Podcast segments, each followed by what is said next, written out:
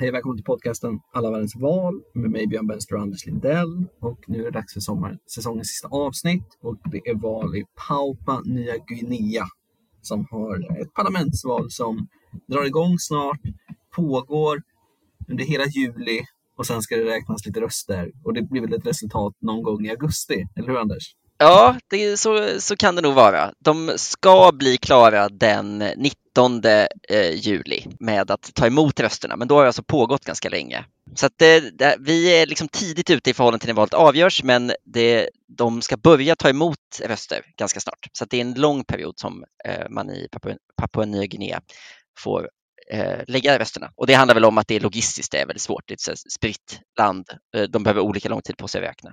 Det är ett av de minst urbaniserade länderna på hela jorden. Det är jättekomplicerat att ta sig mellan olika städer och platser för att naturen tillåter inte och det pratas otroligt många olika språk. Så det är därför det helt enkelt är en sån här process. Ja, jag tycker när man börjar läsa om det här så känner man, liksom hur, vad är Papua Nya Guinea? Det känns som att så här, om, jag skulle inte bli förvånad om det bodde 800 000 där eller om det bodde 80 miljoner. Papua Nya Guinea. Det är liksom konturerna av eh, landet är ju svårbegripliga utifrån. Eller hur? Ja, det är det. Men när man läser på lite så då, det är ungefär lika stort som Sverige. Det är lite större och det bor ungefär lika många människor som i Sverige. Så det är nio miljoner ungefär, men de har inte gjort någon riktig befolkningsräkning på länge, så att det är lite okänt hur många som bor där. De ska göra en ny så kallad Census 2024. Då får vi svaret på hur många som bor ungefär Papua Nya Guinea. Men nu räknar man runda slänga 9 miljoner, kanske. Så det är det. Och då kan vi säga då att Papua Nya Guinea är ena halvan av ön som heter Nya Guinea. Och Papua är, det är något slags ursprungsnamn på ön. Det är liksom det som namnet var innan väst kom dit och satte Nya Guinea på. Liksom. Det är ju inte kallades innan. Och hela Nya Guinea är världens näst största ö och är typ 800 000 kvadratkilometer stort och ett stort. Men den halvan som är Papua Nya Guinea är den vi kommer fokusera på här idag. Och den andra halvan är då indonesiskt styrd. Och eh, mycket förvånande så finns det en självständighetsrörelse där som Papua Nya Guinea är motståndare till. Riktigt stökigt. Men det är ett jättefattigt land i alla fall. Minst 40 procent lever under den internationella fattigdomsgränsen. Och eh, de exporterar liksom råvaror, kan man väl säga, det är inte ett servicesamhälle på det sättet. Och eh, det är mycket, mycket lantbruk. Alltså folk lever på det man kan få från landet helt enkelt. Ja, och sen är det väldigt liksom, mineralrikt så att det finns. Det är det som, som har varit motorn i ekonomin när det har gått bättre. Är ju att det finns liksom en del gruvor och sånt. På... De lever väl och dör med de internationella mineralpriserna. Mm. Lite som när vi gjorde Niger en gång i tiden. Som ja. liksom var eh, den internationella uranhandelns stora vinnare eller förlorare. Ja, precis. Det man kan säga som, om landet, som ändå stack ut när jag läste på, du kan väl säkert hålla med eller inte hålla med, är ju att man har ett otroligt omfattande problem med våld mot kvinnor. Mm. Och eh, statistiken som finns om liksom, våldtäkter och annat, eh, ja, den är hårresande. Och Amnesty gör några skattningar, typ så två tredjedelar av alla kvinnor är typ någon typ av offer för domestic abuse. Och även om man från statens håll, som ju såklart är väldigt svag i ett sånt här samhälle, har på pappret ganska hårda, tuffa lagar så verkar det ju inte vara något som har fått någon effekt. Utan det är väldigt, väldigt tufft mot kvinnor och det tar ju sig då uttryck i politiken. Och i förra valet så var det ingen kvinna som vann Nej. ett distrikt. Och det har diskuterats regler om att det ska kvoteras in kvinnor och så vidare och det har inte kommit någonstans. All time high kvinnlig representation hade man 2012. Då var det tre kvinnliga eh, parlamentsledamöter av då 111 totalt. Så det ja. är en liten uppförsbacke där får man säga. Och det är också det första landet som jag har sett på i den här podden där man har liksom kvinnoförtrycket är så pass, ska man säga, old fashioned. Så mm. att det är liksom, att de håller på med häxbränningar. Mm. Så en berättelse från de senaste året som Amnesty har verifierat och gått ut med handlar om en kvinna och hennes dotter som blir kastad från en bro ner i en flod och de drunknar sedan av hela byn. För att hon är anklagad för häxeri efter att hennes man har dött. Men han har ju dött i något som senare visade sig vara covid-19. Liksom. Och den typen av eh, saker, det som man skulle kalla lynchning, typ, det, är liksom, det blev inga legala konsekvenser för den här gruppen. Som, eftersom de dödade ju en häxa. Hallå? Det, ja. Och en väldigt korrumperad och våldsam poliskår hjälper ju inte heller. Så att eh, väldigt stökig rule of law situation. i Papua Nya Guinea. Ja. Och eh, väldigt fattigt och inte, det känns inte, min bild är ju inte att landet är på gång efter att ha läst på om nuläget. Nej, men det är väl just att man har haft lite de här mineral, eh, men det är liksom aldrig, det, det är ju inte heller kanske drömläget att det, att det är just en råvaruboom som gör Nej, och just att, för om vi ska snacka råvarorna så kommer ju det här området som heter Bougainville. Ja, De hade ju faktiskt en, en folkomröstning 2019 om självständighet och den eh, gick ju som de här brukar gå va? Det är 99,8 procent för självständighet. ja precis. Och Bougainville är ju då en egen, alltså Papua Nya Guinea är ju dels halvan av eh, ön Nya Guinea, men det är ju också massa öar runt om och Bougainville ligger liksom långt bort, eh, typ nära Salomonöarna. Eh, Ska vi säga att det är deras Gotland? ja, ja, absolut. De kommer då bli ett eget land efter mycket om och men 2027. Och Mm. det är en ganska rik del med mycket gruvor och grejer. Och eh, redan när landet blev självständigt 75, som man blev i och med självständighet från Australien, och Australien hade hanterat både den brittiska och den gamla tyska kolonin som eh, Australien erövrade 1914 fram till 75 då, men som två typ separata enheter av någon annan. Det är jättekomplicerat allting. Mm. Det går inte att förstå. Men man blir självständig från Australien och precis då så blir då den här Bougainville vill bli egen republik direkt. Så man utropar sig själva till Norra Salomonöarnas republik. Men ingen erkände landet då, så man tvingas in igen och sådär. Det har varit ett inbördeskrig. Det blev först fredssnack 97, fredsstyrkor, folkomröstning. Så att den här liksom ganska stora delen av, då, av landet som kommer lämna är ju en av de frågorna som ändå har fått någon typ av internationell press i Papua Ja. Nya Guinea. Ja, verkligen. Det är väl den, det är väl den valfrågan man har kunnat grotta in sig lite i. Liksom. Ja, är det en fråga i valet? Eller? Har du sett det? Ja, men jag tror att det är just det, hur man ska, hur man ska hantera det. Men jag tror inte att det är så partiskiljande. Eh, Men, men det verkar som att det ändå funnits lite olika strategier. Liksom, ska man sp- spela hårt och försöka hålla kvar dem eller ska man typ försöka bibehålla en god relation? När man väl Det är ju ett, eh, det är ett stort eh, ställe ändå. Alltså, det är den största ön tror jag i Salomonöarnas ögrupp där. Den är typ nästan 10 000 kvadratkilometer. Alltså, vår vanliga referens är ungefär tre gånger så stort som Gotland. Så det är ett stort ställe som liksom kommer bli ett eget land 2027. Och då får, du ju, får vi ju följa första valet där sen. sen det blir jävligt bra Anders. Liksom. Men ska vi gå in på valet här då och kolla vad, det, vad vi har för konturer av det lite grann? Ja, absolut. Kan vi kan börja med att du berättar om det politiska systemet. Hur funkar det här på pappret? Liksom? Ja, på pappret så är vi ju åter en gång i ett eh, Commonwealth-land. Så att eh, det här är ju alltså en av alla de länder som lyder under monarken, Elisabeth II. Man har alltså inte en, eh, en folkvald statschef. Däremot så har man ju då, precis som alla, en eh, generalguvernör som liksom, vad ska man säga, gör eh, det som mm, är monarkens operativa uppgifter. Han heter just nu Sir Bob Dadey och han har suttit sedan 2017. Han har ju inget på, eller hur? Nej, han har en politisk karriär sedan innan, vilket väl inte är supervanligt alltid. Det tyckte jag väl var det är väl det enda, men jag har inget mer på dem. En sak som jag, jag vet inte om det alltid är så i manusystem, men de tillsätter ju vissa politiska funktioner och så, så det är ju inte en helt, det är inte en värdelös post. Men det är ändå intressant att veta att det här är, eh, på samma sätt som Australien då, så har man den engelska drottningen som sin drottning. Och i övrigt då så har man ju ett parlament, ett enkammarparlament som väljs i enmansvalkretsar på samma sätt som de flesta andra Commonwealth-länderna. Men det som är intressant är att man också har den australiska eh, formen av preferensvalsystem. Så att det är alltså inte eh, så enkelt att den med flest röster i varje valkrets vinner, utan man lägger tre röster, så man rangordnar tre kandidater. Så inte som i Australien att man måste rangordna eh, alla, utan här man får rangordna sina tre favoritkandidater. Om ens kandidat är liksom, om det, om det går dåligt för ens kandidat i första eh, omgången så räknas den eh, rösten på den ens andrahandsval och så vidare.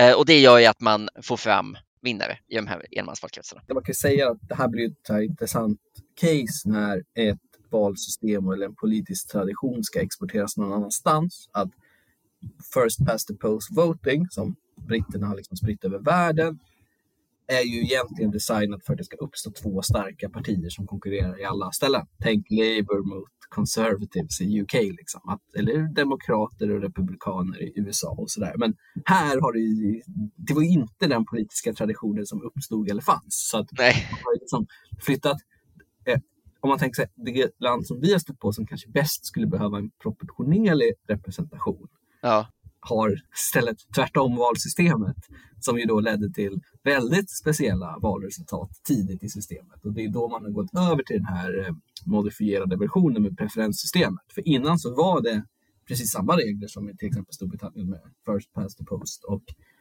i valet 92 då så innebar det att hälften av alla som vann då vann med under 20 procent av rösterna ja, i sitt eh, distrikt. Och det finns till och med en legend som lyckades liksom vinna ett first past the post, alltså ta helt enkelt ta sätet på 6,3 procent av rösterna, vilket ju såklart är liksom vad håller vi på med? med Ja.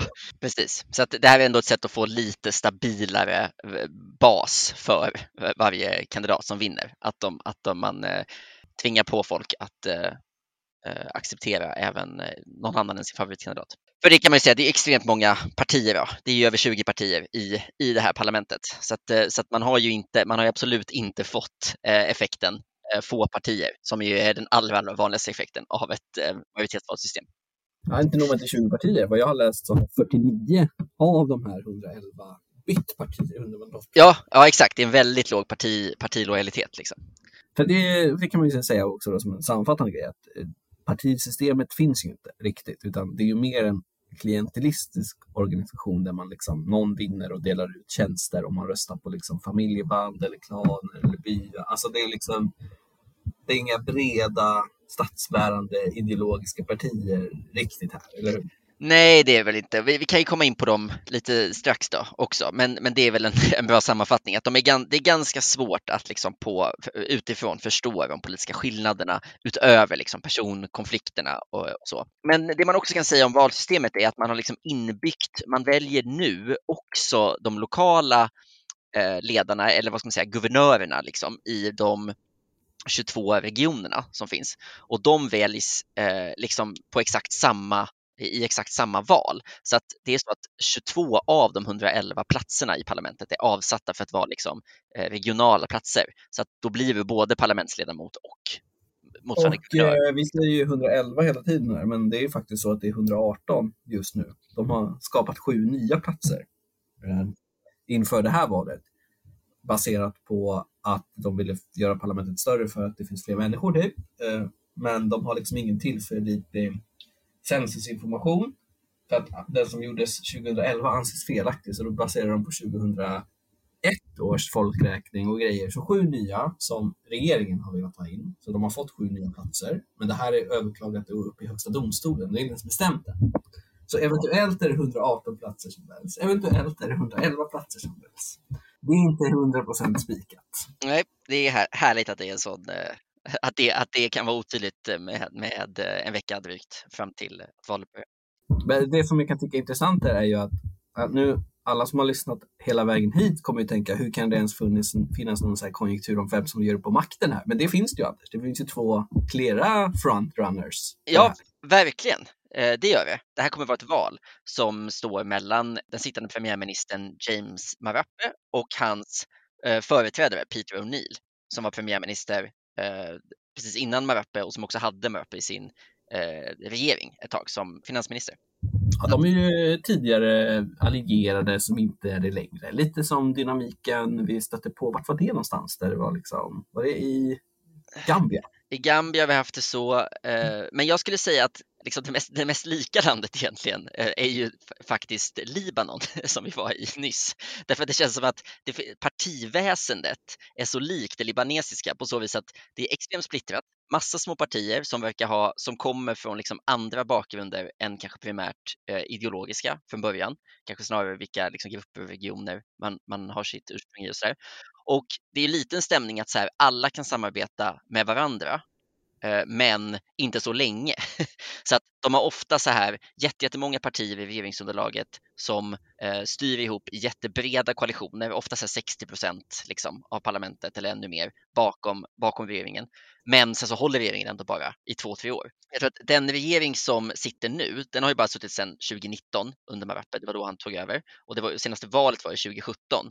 Och jag tror att det bara har hänt två gånger att man har hållit ihop Eh, en regering en hel mandatperiod, alltså under hela landets självständiga historia. Det är liksom väldigt, väldigt svaga och splittrade lojaliteter. Men inte i, det verkar inte egentligen vara för att de hatar varandra så mycket utan alla partier klarar ju på något sätt att samarbeta men sen så faller de ihop också. Det här har gjort att man har infört en, eh, en lite rolig grej som är att det finns liksom en, någon slags regel mot att rikta ett misstroende mot premiärministern de första 18 månaderna. Så att de har liksom... Ja, det har jag på också, helt de har liksom behövt ge varje, varje ny premiärminister en liten så smekmånad på 18 månader för att, för att eh, ha en viss chans att hålla ihop. Det verkar vara så otroligt mycket misstroende förklaringar i början. Och om vi tycker att det har varit mycket stök i svenska riksdagen nu. ja, då ska man säga, var glad att vi inte är liksom i Papua Nya Guinea. Men om vi ska återvända till de här herrarna, O'Neill och Marappe, de kommer från varsitt parti som är de två, de två kanske sammantaget de två betydelsefullaste.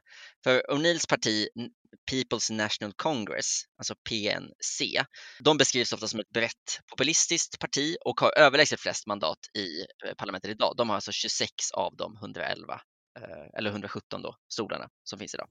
Ja, nu eh, finns det 111. Ja, nu finns det. Ja, just det. Nu finns det. Ja, så... Det är snack om att det kan bli 118. Exakt så är det. 26 av de 111 har de och har styrt landet i liksom olika breda koalitioner sedan 2011. Eh, fram till att det blev en del konflikter i, eh, under den här mandatperioden och det gjorde att eh, finansminister James Marape som kommer från Pangu Party Eh, som är ett liksom bredare parti som verkar ha en lite större ideologisk eh, bas och kanske spelade en lite större roll i liksom självständighetskampen. Han i alla fall, eh, som är partiledare för det och tidigare finansminister, han utmanade då sin premiärminister, avgick som finansminister och blev oppositionspolitiker och kunde kort efter det sy ihop en ny majoritet. Och Neil fick ju avgå kan vi väl säga för att han är korruptionsanklagad. Ja, precis. Att det är liksom inte, inte bara korruptionsanklagade ungefär som alla är i sådana här typer av demokratier utan mer att det finns liksom för mycket evidens på att han har lagt pengar i egen ficka från internationella handelsuppgörelser med israeler, Anders. Okay. Ja, ja, och att han hade också gjort någon deal som inte hade godkänts av de andra. Med, de köpte in han hade inte informerat och sådana där grejer. Så att han var liksom tvungen att avgå, men det är inte som att det verkar vara skadat för honom, för han är på väg tillbaka nu.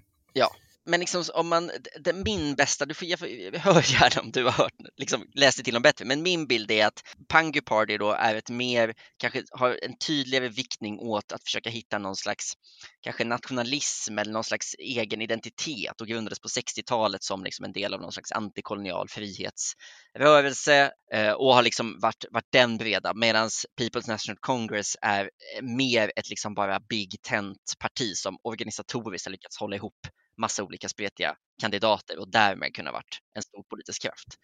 Det, det är bäst, min bästa gissning.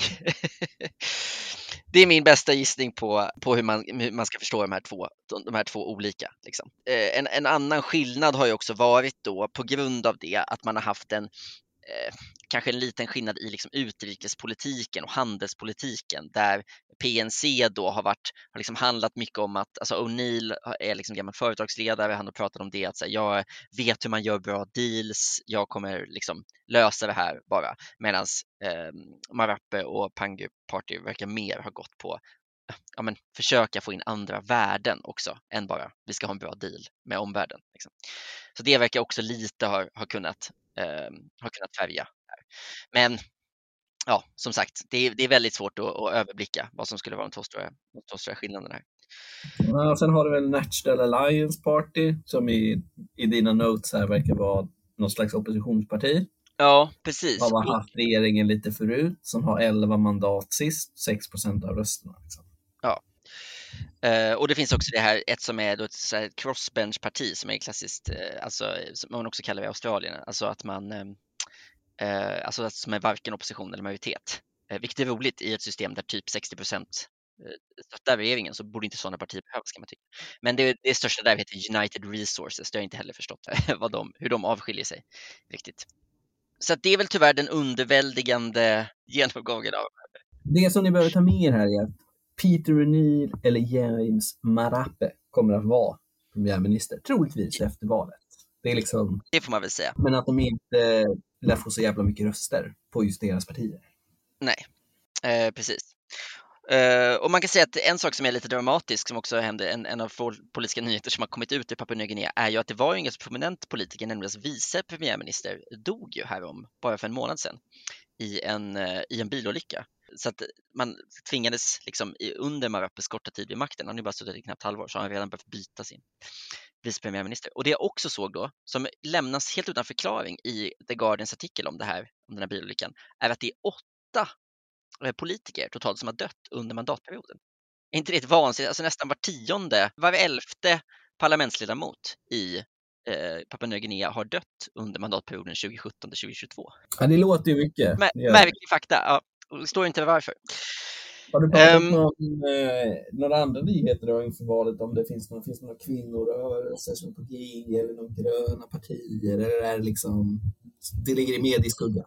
Det, kän, det finns ju liksom ett, alltså som vi pratade lite om i början, så finns det ju en rörelse för att få in fler liksom kvinnliga politiker. Och jag tror att det är ganska mycket så här, bistånd Papua Guinea handlar om, om just det. Eh, så där har det väl gjorts, liksom, alltså det finns ett civilsamhälle som jobbar för det och det finns liksom, ja, men en del stöd utifrån just för att få till det. Så det är absolut någonting som har, som har diskuterats, men, som, men det finns ju liksom jättestora strukturella hinder Eh, hittills. En annan eh, stor fråga som har kommit ut, eh, apropå det jag sa med så det här med att göra deals och så, det är ju en fråga som vi har pratat om varje gång vi har varit i typ Stilla havet, men också lite i Australien, är ju dragkampen mellan Australien och Kina i området. Där är just nu liksom Kinas eh, utrikesminister ute på en turné eh, mellan de olika öarna i, i den här regionen för att liksom på något sätt men enkelt räknat är väl så här, någon typ av säkerhetsgarantier och kanske lite så stöd till säkerhet. Jag tror att i Papua Nya Guineas fall så är det att de vill typ eh, ge dem hjälp med polisen, rusta deras polis typ i utbyte mot då. De är runt där och vill göra deals och sen ja. går det bra i vissa och så går det dåligt i vissa och sen gör de deals och sen så hålls de i. Alltså kineserna ja. vill stärka sin position i lokalområdet. Precis. Australien har ju valt att bli tajtare med USA istället såklart. Och ja. Där finns det ju en jävla spänning som, där de här länderna då faktiskt typ för första gången någonsin får en förhandlingsposition. Där de liksom ja. kan faktiskt ha två stycken som budar om deras gunst. Och man kan ju förstå dem att de försöker spela den handeln.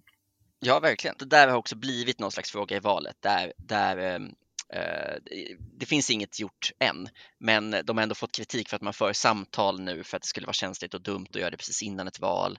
Eh, att närma sig Kina nu och att det borde vara någonting som görs efter valet, tycker då O'Neill, eh, som ju då är oppositionskandidaten just nu. Så att det har varit, det är väl den frågan som man har kunnat läsa, liksom, vad ska man säga, flera olika artiklar om och inte bara se någonstans att det, att det finns. Så att den lilla dragkampen mellan Australien och, och, och, Kina får de väl, kommer väl vara aktuell i deras politik ett tag framöver. Ja, har, vi något, har du något mer? Nej, det räcker så. Det finns inga undersökningar så att snacka om här, utan Val i Pappa Guinea kommer pågå hela sommaren. Eh, I augusti vet vi, kanske. Den börjar den 2 juli och slutar den, 8, eh, den 22 eh, juli. Så att i, i tre veckor så pågår röstningen. Vi kommer tillbaka om typ en månad med nästa avsnitt av den här podden. Då är det val i Senegal. Det, ja. det känns ju jäkligt spännande. Ja, det gör det. Vi, vi kommer ha lite bättre förutsättningar. På återseende då. Yes, ha bra.